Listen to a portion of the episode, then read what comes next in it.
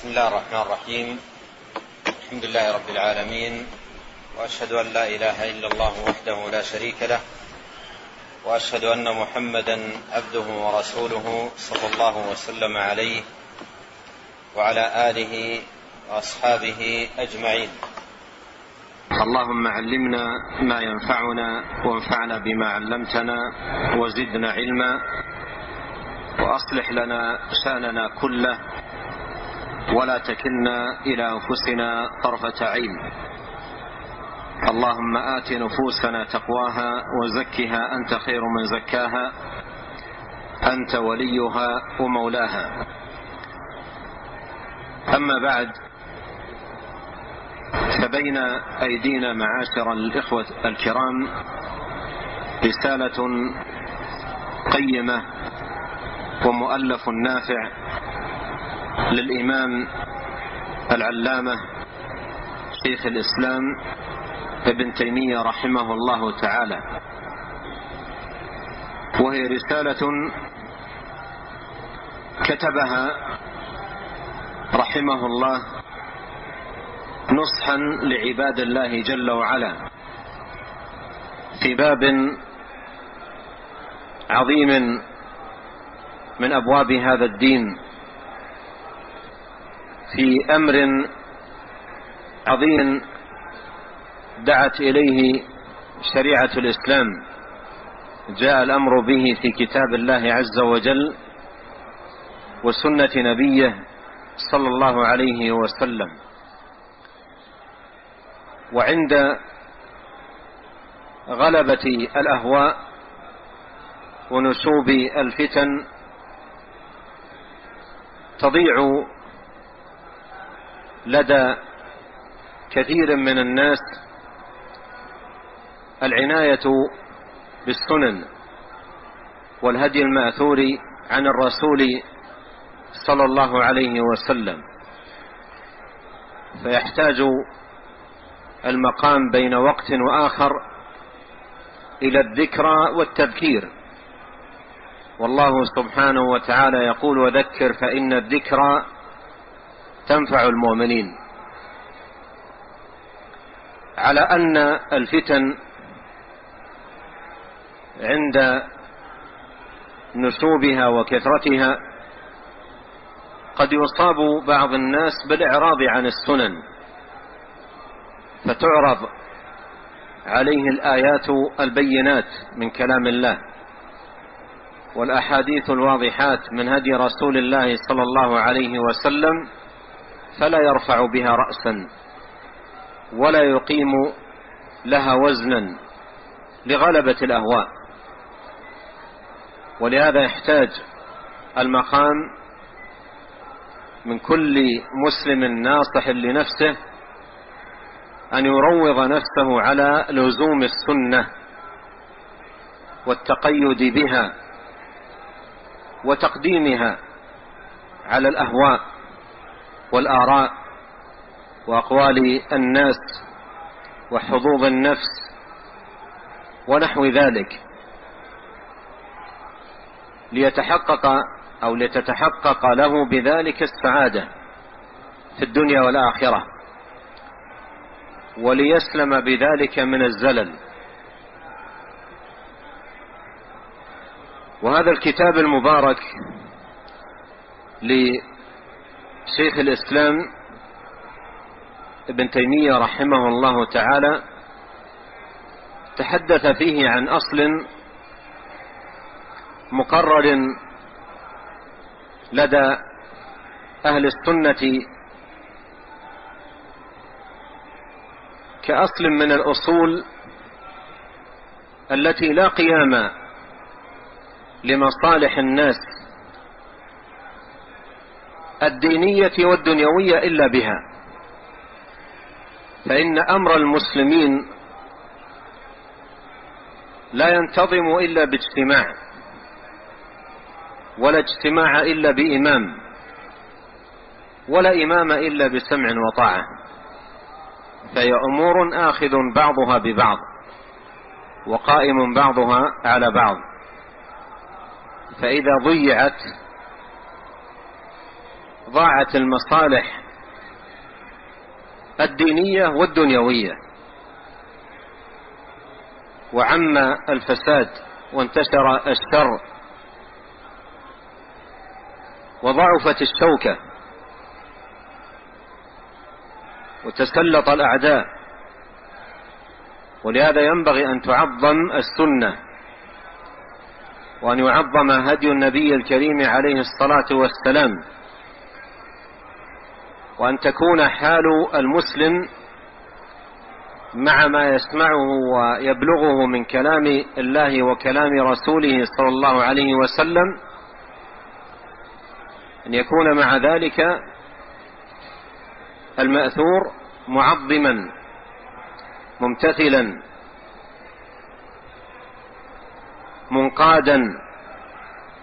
فمن الله تبارك وتعالى الرسالة وعلى الرسول البلاغ وعلينا التسليم. ولا يكون الإسلام إلا بالاستسلام والانقياد لأمر الله جل في علاه وأمر رسوله صلوات الله وسلامه وبركاته عليه. وهذه القاعدة التي ألفها رحمه الله هي قاعدة مختصرة في طاعة الله وطاعة رسوله. وأولي الأمر عملا بقول الله جل وعلا يا أيها الذين آمنوا أطيعوا الله وأطيعوا الرسول وأولي الأمر منكم. أما طاعة الله سبحانه وتعالى فهو الرب. الآمر الناهي الذي يحكم في عباده بما يريد ويشرع ما يشاء. فالأمر أمره والشرع شرعه والحكم حكمه جل في علاه. أم لهم شركاء شرعوا لهم من الدين ما لم يأذن به الله. وأما الرسول عليه الصلاة والسلام فهو المبلغ عن الله الذي لا ينطق عن الهوى إن هو إلا وحي يوحى. فطاعته صلى الله عليه وسلم من طاعة الله. ومن يطع, ومن يطع الرسول فقد أطاع الله. وأما أولو, وأما أولو الأمر فلأن الله سبحانه وتعالى أمر بطاعتهم. وأمر بطاعتهم رسوله صلى الله عليه وسلم. والطاعة التي لهم والتي جاء الأمر بها في كتاب الله وسنة رسوله عليه الصلاة والسلام هي الطاعة في المعروف. ولا طاعة لمخلوق في معصية الخالق.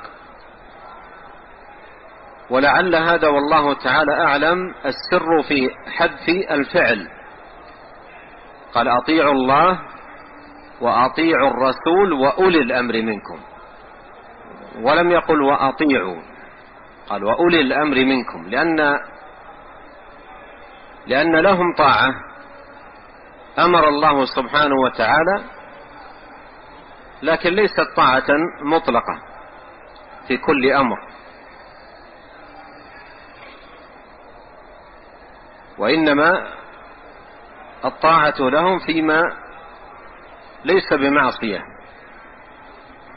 فإذا أمروا بمعصية لله سبحانه وتعالى فإنه لا طاعة لمخلوق في معصية الخالق.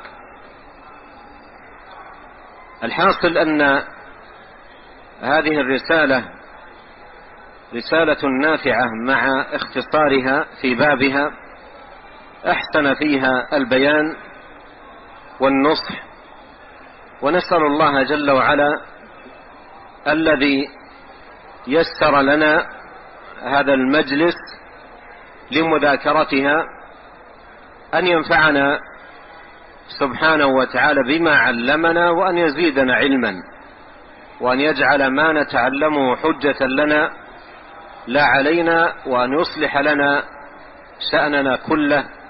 إنه تبارك وتعالى سميع قريب مجيب. الحمد لله رب العالمين صلى الله وسلم وبارك على عبده ورسوله نبينا محمد وعلى آله وصحبه أجمعين. أما بعد فيقول شيخ الإسلام أحمد بن تيمية رحمه الله تعالى في قاعدة له مختصرة في وجوب طاعة الله ورسوله صلى الله عليه وسلم وولاة الأمور. الحمد لله نستعينه ونستغفره ونعوذ بالله من شرور أنفسنا ومن سيئات أعمالنا. من يهده الله فلا مضل له ومن يضلل فلا هادي له. ونشهد أن لا إله إلا الله وحده لا شريك له. ونشهد أن محمدا عبده ورسوله صلى الله عليه وسلم تسليما. أما بعد فهذه قاعدة مختصرة في وجوب طاعة الله ورسوله في كل حال على كل أحد وأن ما أمر الله به ورسوله من طاعة الله وولاة الأمور ومناصحتهم واجب وغير ذلك من الواجبات.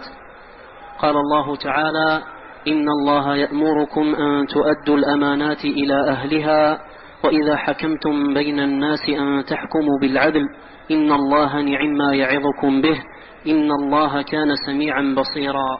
وقال وقال الله تعالى يا أيها الذين آمنوا أطيعوا الله وأطيعوا الرسول وأولي الأمر منكم فإن تنازعتم في شيء فردوه إلى الله والرسول إن كنتم تؤمنون بالله واليوم الآخر ذلك خير وأحسن تأويلا. فأمر الله المؤمنين بطاعته وطاعة رسوله وأولي الأمر منهم كما أمرهم أن يؤدوا الأمانات إلى أهلها. وإذا حكموا بين الناس أن يحكموا بالعدل وأمرهم إذا تنازعوا في شيء أن يردوه إلى الله والرسول. قال العلماء الرد إلى الله هو الرد إلى كتابه والرد إلى الرسول بعد موته هو الرد إلى سنته. قال الله تعالى كان الناس أمة واحدة فبعث الله النبيين مبشرين ومنذرين وأنزل معهم الكتاب بالحق ليحكم بين الناس فيما اختلفوا فيه وما اختلف فيه إلا الذين أوتوه من بعد ما جاءتهم البينات بغيا بينهم فهدى الله الذين آمنوا لما اختلفوا فيه من الحق بإذنه والله يهدي من يشاء إلى صراط مستقيم. فجعل الله الكتاب الذي أنزله هو الذي يحكم بين الناس فيما اختلفوا فيه.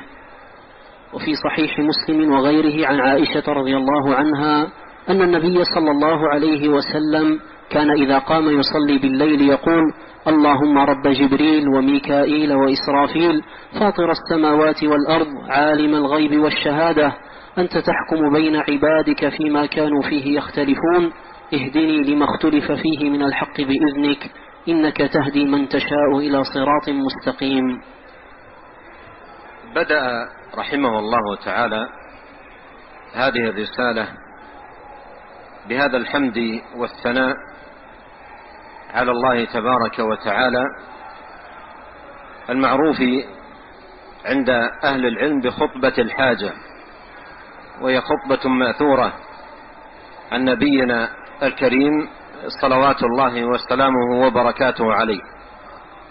وكثيرا ما يستهل شيخ الإسلام ابن تيمية رحمه الله تعالى عددا من كتبه بهذه الخطبة. وتضمنت هذه الخطبة من قواعد الدين وأصول من قواعد الدين وأصوله وتعظيم الله تبارك وتعالى والثناء عليه. وتمجيده جل في علاه وحسن الالتجاء إليه تبارك وتعالى ما يدل على عظم شأن هذه الخطبة وجلالة قدرها ورفيع شأنها. حتى إنها كانت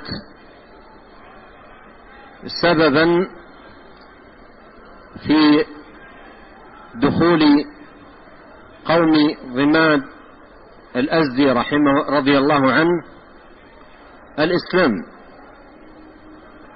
بأن سمع هذه الخطبة رسول الله صلى الله عليه وسلم فكانت سببا لدخوله ودخول قومه. الإسلام بسماعه هذه الخطبة العظيمة. فكان كثيرا ما يستهل شيخ الإسلام بن تيمية رحمه الله تعالى مؤلفاته بها. ثم شرع في تقرير ما أراده الله في هذه الرسالة من وجوب طاعة الله وطاعة رسوله صلى الله عليه وسلم وأولي الأمر. وأخذ يسوق رحمه الله الدلائل من كتاب الله وسنة رسوله صلى الله عليه وسلم. فقرر الأصل ثم ساق أدلته. وهذه الطريقة لا تعرف إلا عند أهل السنة. فإن عقيدتهم ودينهم قائم على الكتاب والسنة. نعتقد كذا لقول الله كذا. ونؤمن بكذا لقول رسول الله صلى الله عليه وسلم كذا.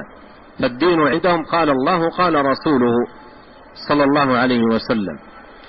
فقرر رحمه الله تعالى هذا الأصل العظيم وهو ما أمر الله جل وعلا به من طاعة ولاة الأمر ومناصحتهم وأن ذلك واجب ديني محتم أمر الله به. وأمر به رسوله عليه الصلاة والسلام ثم أخذ يسوق الدلائل على ذلك. فأورد قول الله عز وجل إن الله يأمركم أن تؤدوا الأمانات إلى أهلها وإذا حكمتم بين الناس أن تحكموا بالعدل. إن الله نعم يعظكم به إن الله كان سميعا بصيرا. يا أيها الذين آمنوا أطيعوا الله وأطيعوا الرسول وأولي الأمر منكم. فإن تنازعتم في شيء فردوه إلى الله والرسول إن كنتم تؤمنون بالله واليوم الآخر. ذلك خير وأحسن تأويلا. هاتان آيتان متواليتان في سورة النساء. ولهذا لعل الفصل بين الأولى والثانية وقال تعالى من بعض النساخ وإلا لا حاجة إلى هذا الفصل.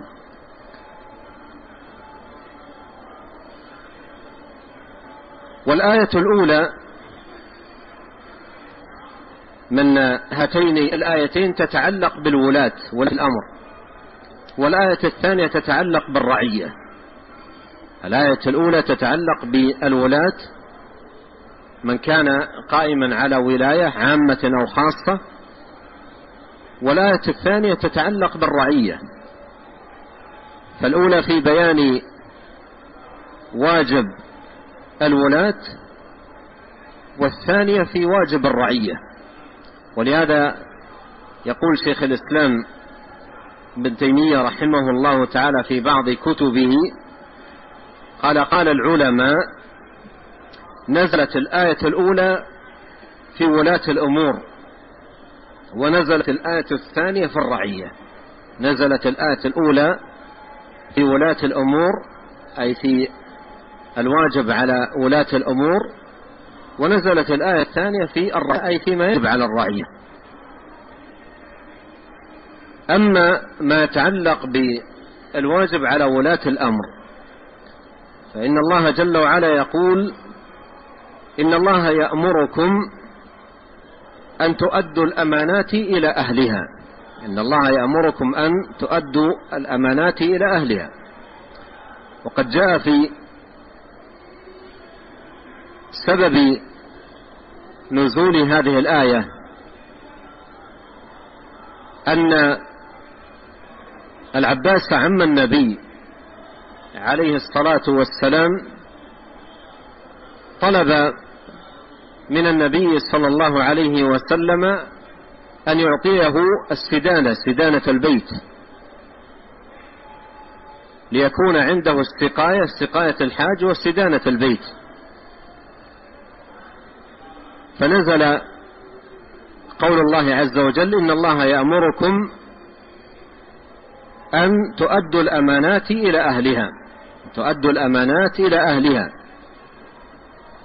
فعلم من سبب النزول لهذه الآية الكريمة أن مما تتناوله الأمانة والأمر بتأديتها إلى أهلها أمر الولاية. وإعطاء كل ذي حق حقه. والعبرة بعموم الألفاظ لا بخصوص الأسباب. ولهذا كما قرر العلماء رحمهم الله تعالى أن الآية بعمومها إن الله يأمركم أن تؤدوا الأمانات إلى أهلها تتناول بعمومها جميع الواجبات الدينية. جميع الواجبات الدينية في حقوق الله جل وعلا وحقوق العباد. في حقوق الله تبارك وتعالى وحقوق العباد. تتناول ذلك تتناول الآية ذلك بعمومها. إن الله يأمركم أن تؤدوا الأمانات إلى أهلها. وإذا حكمتم بين الناس أن تحكموا بالعدل. وإذا حكمتم بين الناس أن تحكموا بالعدل. والحكم بالعدل إنما يكون في الحكم فيهم بشرع الله وبما جاء عن الله تبارك وتعالى وعن رسوله صلوات الله وسلامه عليه. إن الله يأمر بالعدل. فالحكم فيهم بالعدل هو الحكم فيهم بشرع الله. بما جاء عنه في كتابه وعن رسوله صلى الله عليه وسلم في سنته. ولهذا قال جل وعلا إن الله نعم ما يعظكم به. إن الله نعم ما يعظكم به. وهذا مدح لشرعه وأوامره وعظاته جل في علاه في وحيه المنزل إن الله نعم ما يعظكم به. هذا ثناء على ما وعظ الله سبحانه وتعالى عباده به مما جاء في وحيه جل وعلا المنزل. إن الله نعم يعظكم به. إن الله كان سميعا بصيرا. وقد جاء في سنن أبي داود وغيره أن النبي صلى الله عليه وسلم قرأ هذه الآية إلى قوله إن الله كان سميعا بصيرا وضع إبهامه عليه الصلاة والسلام على أذنه والسبابة على عينه. وضع إبهامه على أذنه والسبابة على عينه. قال العلماء رحمهم الله تعالى فعل ذلك تأكيدا. للوصف. أن الله سميع بسمع يليق بجلاله وكماله بصير ببصر يليق بجلاله وكماله وعظمته سبحانه وتعالى. وختم الآية بهذين الاسمين فيه التنبيه تنبيه العباد بأن الله جل وعلا سميع لأقوالهم بصير بأعمالهم. لا تخفى عليه منهم خافية. فيثيب تبارك وتعالى المحسن بإحسانه والمسيء بإساءته. ليجزي الذين أساءوا بما عملوا ويجزي الذين أحسنوا بالحسنى.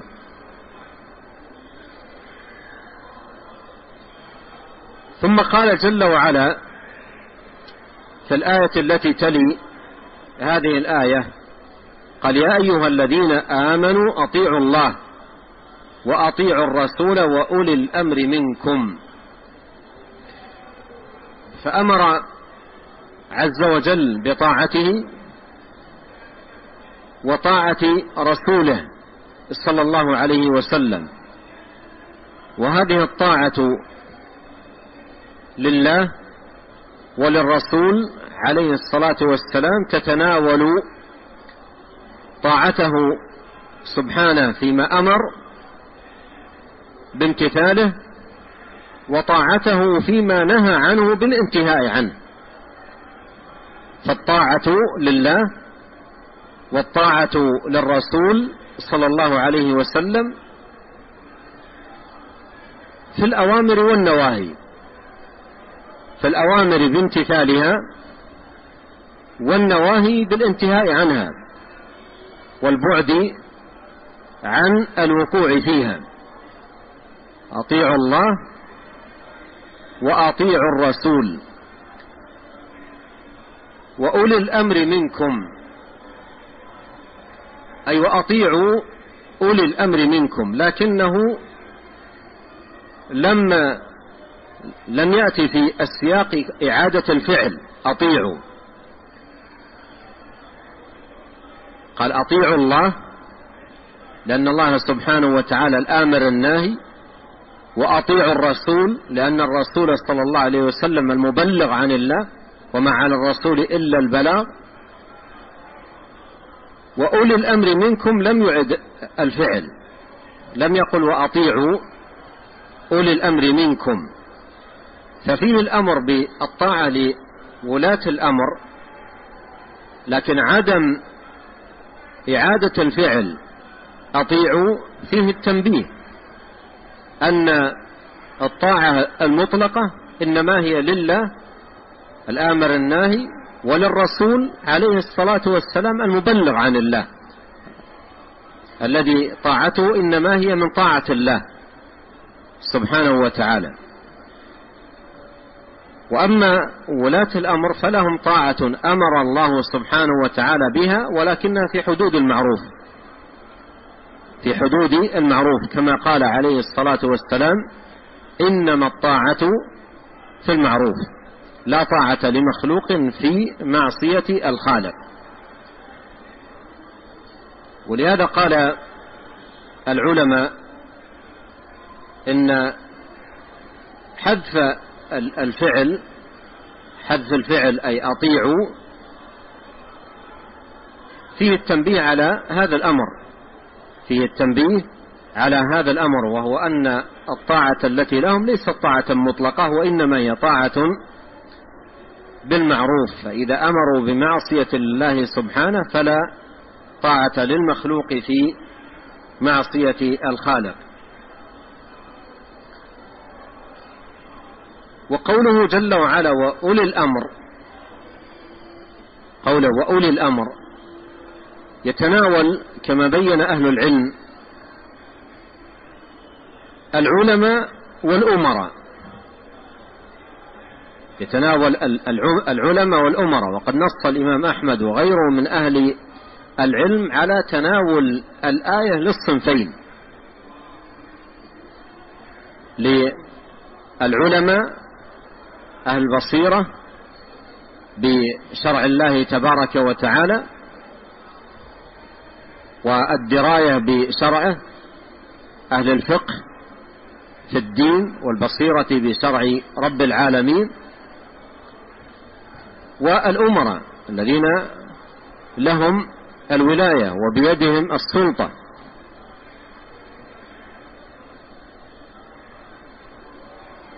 فالآية تتناول كما نص أهل العلم الصنفين الولاة والعلماء في قوله وأولي الأمر منكم. فإن تنازعتم في شيء إن حصل نزاع في شيء اختلاف في أمر من الأمور سواء في أصول الدين أو في فروعه فالرد إنما يكون إلى الله وإلى رسول الله صلى الله عليه وسلم. فإن تنازعتم في شيء فردوه إلى الله والرسول. أما الرد إلى الله فبالرد إلى كتابه وأما الرد إلى الرسول صلى الله عليه وسلم بعد موته فهو الرد إلى سنته. صلوات الله وسلامه وبركاته عليه. فإن تنازعتم في شيء فردوه إلى الله والرسول. إن كنتم تؤمنون بالله واليوم الآخر. إن كنتم تؤمنون بالله ربا خالقا معبودا مقصودا ملتجأ إليه. واليوم الآخر أي يوم الجزاء والحساب.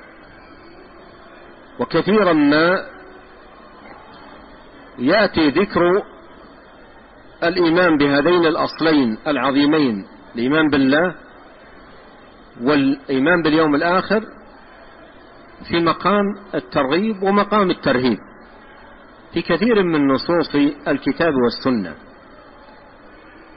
أما الإيمان بالله فباعتبار أنه هو المقصود المعبود المتقرب إليه سبحانه وتعالى بالعمل وأما الإيمان باليوم الآخر لأن اليوم الآخر هو يوم الجزاء.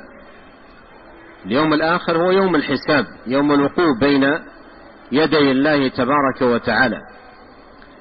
إن كنتم تؤمنون بالله ربا خالقا معبودا مقصودا ملتجا إليه واليوم الآخر الذي تقفون فيه بين يدي الله تبارك وتعالى ويجازيكم على أعمالكم في هذه الحياة. ذلك أي الرد إلى كتاب الله وسنة رسوله صلى الله عليه وسلم خير أي للناس في صلاح دنياهم وأخراهم وأحسن تأويلا أي أحسن عاقبة ومآلا. ومثوبة. يوم يلقى العبد ربه جل في علاه. قال شيخ الإسلام رحمه الله فأمر الله المؤمنين بطاعته وطاعة رسوله وأولي الأمر وأولي الأمر منهم كما أمرهم أن يؤدوا الأمانات إلى أهلها. وإذا حكموا بين الناس أن يحكموا بالعدل. وأمرهم إذا تنازعوا في شيء أن يردوه إلى الله والرسول. وهذا تلخيص لمضمون الآيتين.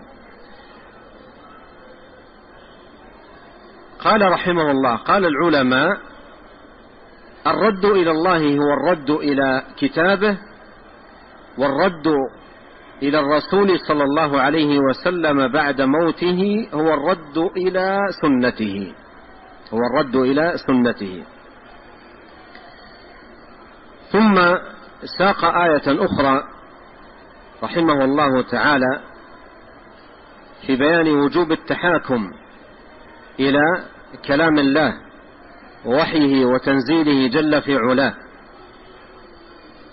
قال قال الله تعالى كان الناس أمة واحدة فبعث الله النبيين مبشرين ومنذرين. كان الناس أمة واحدة. على ماذا؟ كان الناس على كان الناس أمة واحدة أي على الإيمان والتوحيد. في أصح القولين في معنى الآية. كان الناس أمة واحدة على الإيمان والتوحيد. ولهذا جاء عن ابن عباس رضي الله عنهما أنه قال كان بين نوح وآدم عشرة قرون. كان بين نوح وآدم عشرة قرون كلهم على شريعة الحق. كلهم على شريعة الحق فاختلفوا فبعث الله النبيين مبشرين ومنذرين. فاختلفوا فبعث الله النبيين ومبشرين ومنذرين. فكان الناس أمة واحدة أي على شريعة الحق على الإيمان بالله وتوحيده وإخلاص الدين له سبحانه وتعالى فاختلفوا. اختلفوا أي صاروا فريقين. فريق على شريعة الحق على التوحيد وفريق كفر بالله وأعرض عن دين الله سبحانه وتعالى. فبعث الله النبيين مبشرين ومنذرين. قال كان الناس أمة واحدة فبعث الله. كان الناس أمة واحدة أي على الحق والهدى. ثم وقع الخلاف اختلفوا فبعث الله النبيين مبشرين ومنذرين. مبشرين بالجنة. من أطاع الله ووحده وأخلص الدين له. ومنذرين من النار لمن عصى الله وخالف شرعه. وأعرض عن هداه. فبعث الله النبيين مبشرين ومنذرين وأنزل معهم الكتاب وأنزل معهم الكتاب بالحق أي أنزل مع أنبيائه ورسله الكرام وحيه تبارك وتعالى.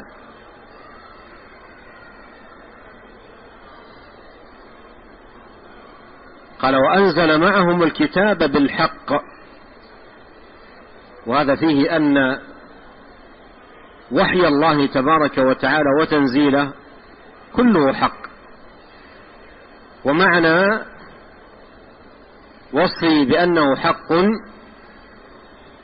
أي أن أخباره كلها صدق وأوامره كلها عدل. حق أي, أي صدق في الأخبار وعدل في الأوامر والنواهي. صدق في الأخبار وعدل في الأوامر والنواهي. كتاب لا يأتيه الباطل من بين يديه ولا من خلفه. تنزيل من حكيم حميد. قال وأنزل معهم الكتاب بالحق ليحكم بين الناس فيما اختلفوا فيه. ليحكم بين الناس فيما اختلفوا فيه. يقول رحمه الله تعالى بعد سياقه للآية بتمامها فجعل الله الكتاب الذي أنزله هو الذي يحكم بين الناس فيما اختلفوا فيه. فالله أنزل الكتاب فيصلا بين الناس في خصوماتهم وحاكما بينهم. فإذا تحاكموا إلى كتاب الله تبارك وتعالى هدوا إلى صراط مستقيم. وإذا لم يتحاكموا إلى كتاب الله جل وعلا ضلوا عن سواء السبيل. ليحكم بين الناس فيما اختلفوا فيه. ما سبب الخلاف الذي بين الناس مع وجود الحق والهدى بينهم؟ ترى بينهم كتاب الله وهم مختلفين وتراهم مختلفين. يقول جل وعلا وما اختلف فيه إلا الذين أوتوه من بعد ما جاءتهم البينات أي قامت الحجة بنزول الوحي وبيان الأحكام البينات الواضحات بسبب ماذا؟ قال بغيا بينهم أي الذي حملهم على ذلك البغي. الذي حملهم على ذلك البغي.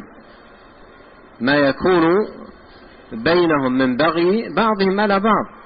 وتجاوز حدود الله تبارك وتعالى وتفلتهم من الشرع المنزل باتباع الأهواء واتباع الآراء والسير مع حظوظ النفس وميولاتها. قال جل وعلا وما اختلف فيه إلا الذين أوتوه من بعد ما جاءتهم البينات بغيا بينهم. فهدى الله الذين آمنوا لما اختلفوا فيه من الحق بإذنه. وهذا فيه أن الهداية منة إلهية وتوفيق رباني يهدي من يشاء. وقوله بإذنه أي الكون القدري لأن الإذن المضاف إلى الله تبارك وتعالى تارة يراد به الإذن الكوني القدري وتارة يراد به الإذن الشرعي الديني. وقد مر معنا في مجلسنا هذا آية كريمة فيها ذكر للإذن مضافا إلى الله تبارك وتعالى ومرادا به الإذن الشرعي. ما هي الآية؟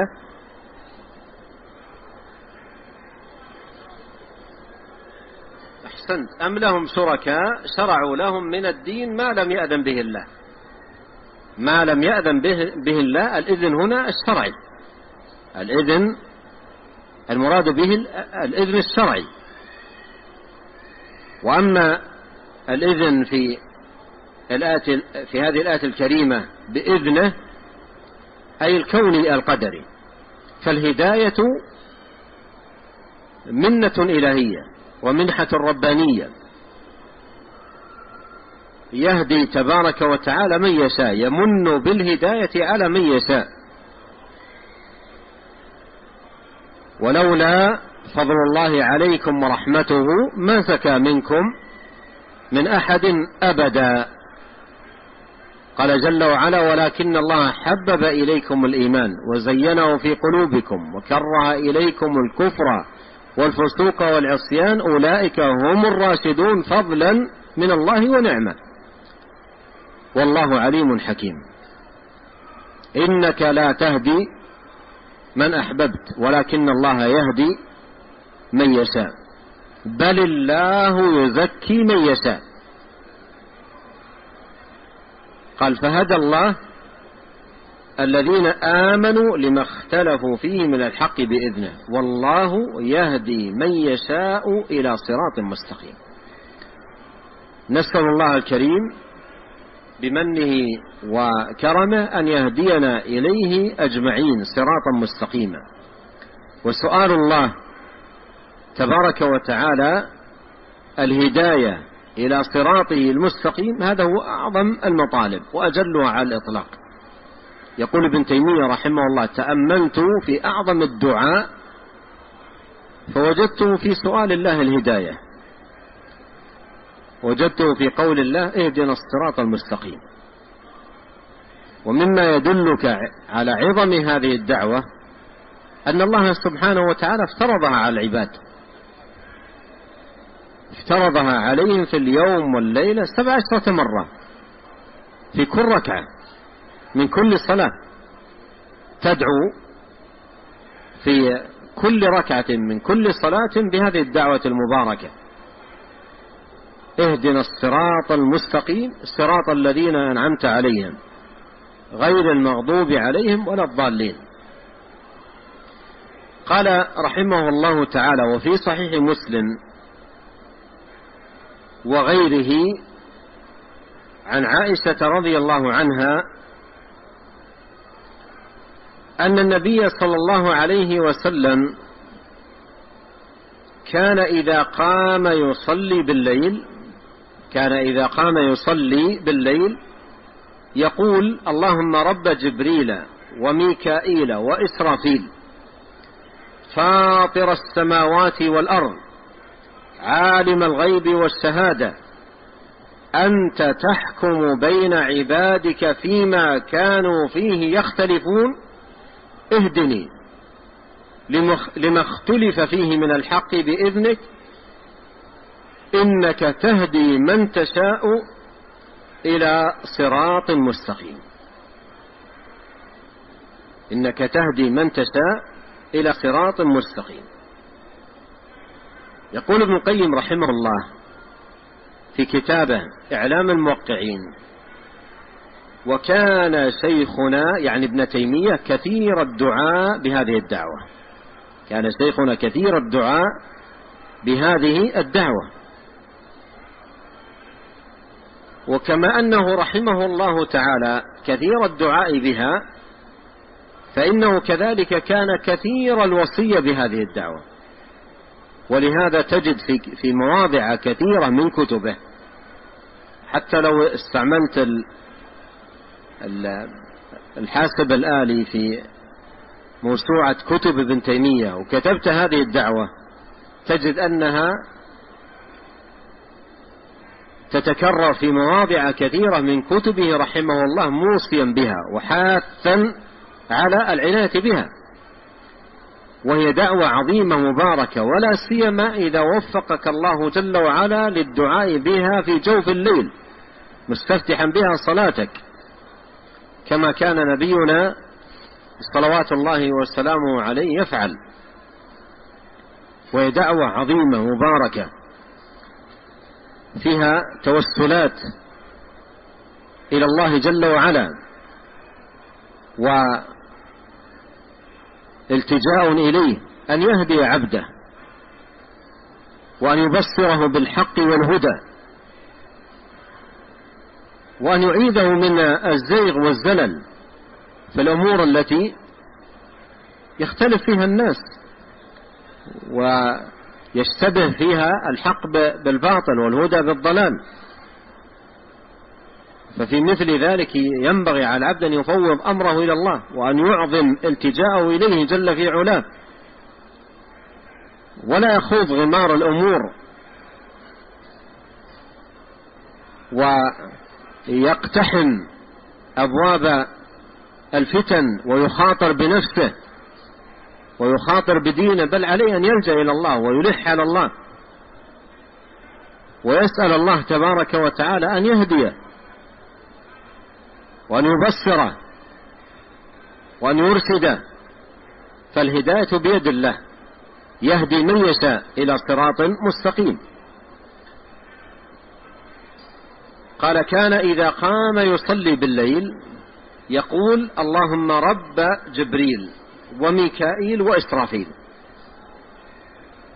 اللهم رب جبريل وميكائيل وإسرافيل. خص هؤلاء الملائكة الثلاثة بالتوسل إلى الله سبحانه وتعالى بربوبيته لهم. خص هؤلاء الثلاثة بربوبية الله تبارك وتعالى لهم لأن كل ملك من هؤلاء الملائكة الثلاثة موكول بجانب من جوانب الحياة. والمطلوب في هذه الدعوة ما هو؟ حياة القلب بالهداية. هذا هو المطلوب أن يحيا قلبك بالهداية بلزوم صراط الله المستقيم. فبدأ هذا المطلب العظيم وهو سؤال الله تبارك وتعالى الهداية بالتوسل إلى الله بربوبيته لجبريل وميكائيل وإسرافيل. أما جبريل فهو الموكل بالوحي. نزل به الروح الأمين. ومن أسماء جبريل الروح لأنه ينزل بالوحي. وسمي روحا سمي جبريل روحا لأنه ينزل بالوحي. وسمي الوحي روحا لأن به حياة القلوب وصلاح العباد. أو من كان ميتا فأحييناه. يا أيها الذين آمنوا استجيبوا لله وللرسول إذا دعاكم لما يحييكم. فحياة القلوب إنما هو بطاعة الله. وطاعة رسوله صلى الله عليه وسلم. فجبريل موكل بالوحي الذي به حياة القلوب. وميكائيل موكل بالقطر. وميكائيل موكل بالقطر الذي به حياة الحيوان والنبات. وجعلنا من الماء كل شيء حي. وإسرافيل موكل بالنفر في الصور. وإسرافيل موكل بالنفخ في الصور. وإذا نفخ في الصور عادت الحياة وقام الناس لرب العالمين. ثم نفخ فيه أخرى فإذا هم قيام ينظرون. فتوسل إلى الله جل وعلا أولا بربوبيته لجبريل وميكائيل وإسرافيل ثم توسل إليه بأنه سبحانه وتعالى فاطر السماوات والأرض. قال فاطر السماوات والأرض. أي مبدعهما فاطر السماوات أي مبدع السماوات والأرض. وخالقهما من العدم. فاطر السماوات والأرض عالم الغيب والشهادة. وهذا توسل إلى الله تبارك وتعالى بعلمه الواسع المحيط بعلمه الذي وسع كل شيء. ربنا وسعت كل شيء رحمة وعلما. ففيه التوسل إلى الله تبارك وتعالى بعلمه الذي وسع كل شيء عالم الغيب والشهادة. الغيب والشهادة هذا بالنسبة لنا. بالنسبة لنا هناك أمور شهادة أي نراها ونشاهدها وهناك أمور غيب. والله سبحانه وتعالى عالم الغيب والشهادة هذا بالنسبة لنا. أما بالنسبة له جل وعلا فالغيب عنده شهادة والسر عنده علانية لا تخفى عليه خافية. فقوله عالم الغيب والشهادة أي بالنسبة لنا نحن في أمور شهادة نراها وأمور غيب لا نراها. والله سبحانه وتعالى عالم الغيب والشهادة. عالم الغيب والشهادة أي عالم بما نراه ونشاهده وعالم بما هو غائب عنا لا نراه ولا نشاهده. أحاط علمه بكل شيء. أحاط علمه تبارك وتعالى بكل شيء. أحاط كل بكل شيء علما وأحصى كل شيء عددا. لا تخفى عليه خافية في الأرض ولا في السماء. ثم توسل آخر إلى الله بأنه يحكم بين العباد فيما كانوا فيه يختلفون. أنت تحكم بين عبادك فيما كانوا فيه يختلفون. فبعد هذه الوسائل العظيمة والالتجاءات العظيمة إلى الله وهذا فيه تأديب هذا الدعاء فيه تأديب للعباد كما هو الشام في الدعوات الماثورة عن النبي صلى الله عليه وسلم وتربية أن يجعلوا بين مطلوبهم وسائل. وأعظم الوسائل التي يتوسل بها إلى الله تبارك وتعالى أسماء الحسنى وصفاته العليا. قال, قال الله تعالى ولله الأسماء الحسنى فادعوه بها. قال جل وعلا قل ادعوا الله أو ادعوا الرحمن أيما تدعوا فله الأسماء فله الأسماء الحسنى. اهدني لما اختلف فيه من الحق بإذنك. اهدني لما اختلف فيه من الحق بإذنك. ما المراد بالإذن هنا؟ الكوني القدري. المراد بالإذن الكوني القدري. فاهدني لما اختلف فيه من الحق بإذنك أي بمشيئتك بإرادتك الكونية القدرية. إنما أمره إذا أراد شيئا أن يقول له كن فيكون. إنك تهدي من تشاء إلى صراط مستقيم. إنك تهدي من تشاء إلى صراط مستقيم. أي أن الهداية بيد الله سبحانه وتعالى يهدي من يشاء. وأما المخلوق مهما عظم شأنه وعلت مكانته لا يستطيع لا يملك هداية لأحد. إن تحرص على هداهم فإن الله لا يهدي من يضل.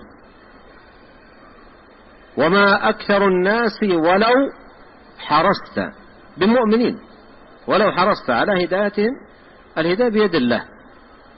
الهداية بيد الله. إنك لا تهدي من أحببت. أي أحببت هدايته ولكن الله يهدي من يشاء. فالهداية بيد الله سبحانه وتعالى. والمراد بالهداية هنا أي هداية التوفيق. هداية شرح الصدر لقبول الحق. أما هداية الدلالة والبيان فإن الله سبحانه وتعالى قال آه، لنبيه وإنك لتهدي إلى صراط مستقيم. وإنك لتهدي إلى صراط مستقيم. قول إن وإنك لتهدي إلى صراط مستقيم لا يتنافى مع قوله إنك لا تهدي من أحببت. لأن الهداية المثبتة له غير الهداية المنفية عنه. الهداية هدايتان هداية توفيق وهداية بيان. فالمثبتة له عليه الصلاة والسلام هداية البيان والدلالة. وإنك لتهدي إلى صراط مستقيم. والهداية المنفية عنه هداية التوفيق وشرح الصدر. هذا أمر بيد الله سبحانه وتعالى يهدي من يشاء إلى صراط مستقيم. نعم. قال رحمه الله تعالى وفي صحيح مسلم عن تميم الداري رضي الله عنه قال قال رسول الله صلى الله عليه وسلم الدين النصيحة الدين النصيحة الدين النصيحة. قالوا لمن يا رسول الله؟ قال لله ولكتابه ولرسوله ولأئمة المسلمين وعامتهم. ثم أورد رحمه الله تعالى هذا الحديث العظيم وهو من جوامع كلم نبينا الكريم صلوات الله وسلامه عليه. قال الدين النصيحة أي جماع الدين النصيحة. جماع الدين النصيحة. نظير قوله صلى الله عليه وسلم الحج عرفة. ونظير قوله عليه الصلاة والسلام الدعاء هو العبادة. فهذا فيه بيان مكانة النصيحة في دين الله تبارك وتعالى. والنصيحة هذه كلمة جامعة. كلمة جامعة تتضمن قيام الناصح للمنصوح بوجوه الخير إرادة وفعلا. تتضمن قيام الناصح للمنصوح بوجوه الخير إرادة وفعلا. إرادة بصلاح القلب لا ينطوي القلب على آه، أمور سيئة أمور خبيثة أمور فاسدة. بل ليس فيه إلا الصدق والوفاء والنقاء والسلامة. والفعل لا يكون إلا أفعالا حسنة وأعمالا طيبة.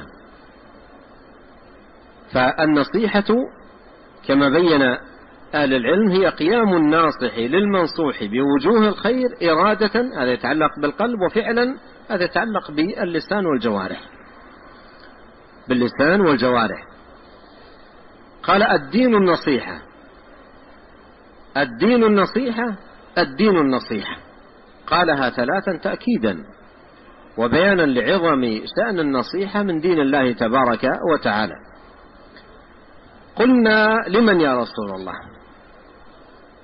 قلنا لمن يا رسول الله؟ لما عظم من شأن النصيحة وبين أن الدين كله قائم على النصيحة. أن الدين كله قائم على النصيحة. قيام الدين إنما هو على النصيحة. أدرك الصحابة رضي الله عنهم عظم شأن النصيحة ورفعة مكانتها وأن دين الله قائم عليها. قالوا لمن يا رسول الله؟ لمن يا رسول الله؟ قال لله ولكتابه ولرسوله ولأئمة المسلمين وعامتهم. لله النصيحة لله تبارك وتعالى. الله أكبر الله أكبر. أما النصيحة لله جل وعلا فبتوحيده والإيمان به وإخلاص الدين له وطاعته واتباع ما أمر به والانتهاء عما نهى عنه وبتعظيم شرعه جل وعلا ووحيه المنزل. وأما النصيحة لكتاب الله فبتعظيم الكتاب وتحكيمه والتحاكم إليه ورد أمور النزاع إليه والائتمار بأوامره والانتهاء عن نواهيه والتصديق لأخباره فكل ذلك من النصيحة لكتاب الله تبارك وتعالى. وأما النصيحة لرسوله عليه الصلاة والسلام فبمحبته محبة مقدمة على محبة النفس والوالد والولد والناس أجمعين. كيف لا؟ وهو أولى بكل مؤمن من نفسه كما قال الله تعالى النبي أولى بالمؤمنين من أنفسهم. وباتباعه ولزوم نهجه صلى الله عليه وسلم وترسم خطاه وبطاعته فيما أمر وتصديقه فيما أخبر والانتهاء عما نهى عنه وزجر صلوات الله وسلامه عليه. وأما النصيحة لأئمة المسلمين فبطاعتهم في غير معصية الله وبإرادة الخير لهم وعدم انطواء القلب على غل أو حقد تجاههم وبالدعاء لهم بالصلاح والمعافاة. وسيأتي عند شيخ الإسلام رحمه الله من التقريرات, من التقريرات والبيان ما يتعلق بهذا الموضوع. وأما النصيحة لعامة المسلمين فبمعاملتهم بالمعاملة الكريمة التي يحب المرء أن يعامل بها. قد قال عليه الصلاة والسلام لا يؤمن أحدكم حتى يحب لأخيه ما يحب لنفسه. وقال عليه الصلاة والسلام أن تأتي للناس الذي تحب أن يؤتى إليك.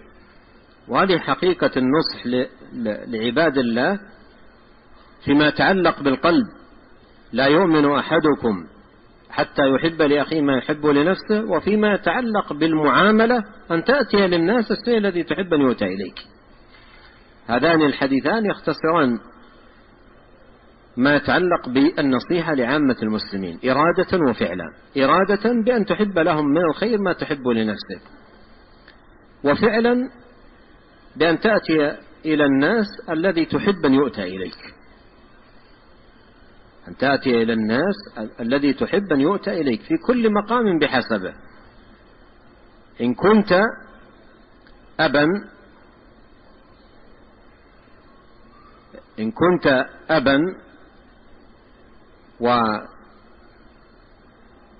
أو كنت ابنا وأردت أن تعرف حق الوالدين عليك فقدر نفسك أنك أنت الأب. ما الذي تحب أن تعامل به من قبل أبنائك؟ وهكذا في سائر الأمور أن تأتي للناس الذي تحب أن يؤتى إليك. جماع الأخلاق أن تأتي للناس الذي تحب أن يؤتى إليك. انظر في كل مقام ما الذي تحب أن تعامل به لو كنت أنت في ذلك المقام؟ هذا هو هذا هو حسن الخلق. أن تأتي للناس الذي تحب أن يؤتى إليك. وثمة خلاصة مفيدة. منقولة عن كتاب الشيخ عبد الرحمن بن سعدي رحمه الله الرياض الناظرة تتعلق بالنصيحة لولاة الأمور. يقول رحمه الله قال رحمه الله تعالى وأما النصيحة لأئمة المسلمين وهم ولاتهم من السلطان الأعظم إلى الأمير إلى القاضي إلى جميع من لهم ولاية صغيرة أو كبيرة فهؤلاء لما كانت مهماتهم وواجباتهم أعظم من غيرهم وجب لهم من النصيحة بحسب مراتبهم ومقاماتهم وذلك باعتقاد إمامتهم والاعتراف بولايتهم ووجوب طاعتهم بالمعروف وعدم الخروج عليهم وحث الرعية على طاعتهم ولزوم أمرهم الذي لا يخالف أمر الله ورسوله. وبذل ما يستطيع الإنسان من نصيحتهم وتوضيح ما خفي عليهم مما يحتاجون إليه في رعايتهم كل واحد بحسب حاله والدعاء لهم بالصلاح والتوفيق فإن صلاحهم صلاح لرعيتهم واجتناب سبهم والقدح فيهم وإشاعة مثالبهم فإن في ذلك شرا وضررا وفسادا كبيرا. فمن نصيحتهم الحذر والتحذير من ذلك. وعلى من رأى منهم ما لا يحل أن وعلى من رأى منهم ما لا يحل أن ينبههم سرا لا علنا بلطف وعبارة تليق بالمقام ويحصل بها المقصود. فإن هذا مطلوب في حق كل أحد وبالأخص ولاة الأمور. ولاة. وبالأخص ولاة الأمور فإن تنبيههم على هذا الوجه فيه خير كثير وذلك علامة الصدق والإخلاص. واحذر أيها الناصح لهم على هذا الوجه المحمود أن تفسد نصيحتك بالتمدح عند الناس فتقول لهم إني نصحتهم وقلت وقلت فإن هذا عنوان الرياء وعلامة ضعف الإخلاص. وفيه أضرار أخر معروفة. نعم ويشهد. ويشهد لما ذكره رحمه الله من لزوم مسارة ولي الأمر بالنصيحة ما رواه ابن أبي عاصم في السنة عن النبي صلى الله عليه وسلم قال من أراد أن ينصح لذي سلطان فلا يبده علانية ولكن يأخذ بيده فيخلو به فإن قبل منه فذاك وإلا كان قد أدى الذي عليه. وصححه العلامة الألباني حفظه رحمه الله تعالى.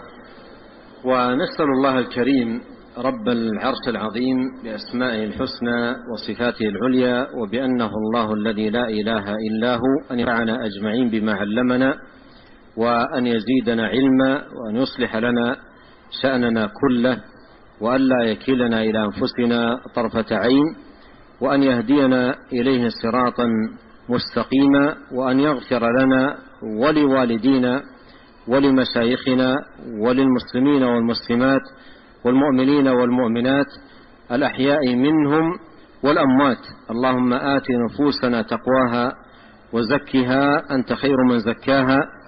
أنت وليها ومولاها. اللهم صل وسلم على عبدك ورسولك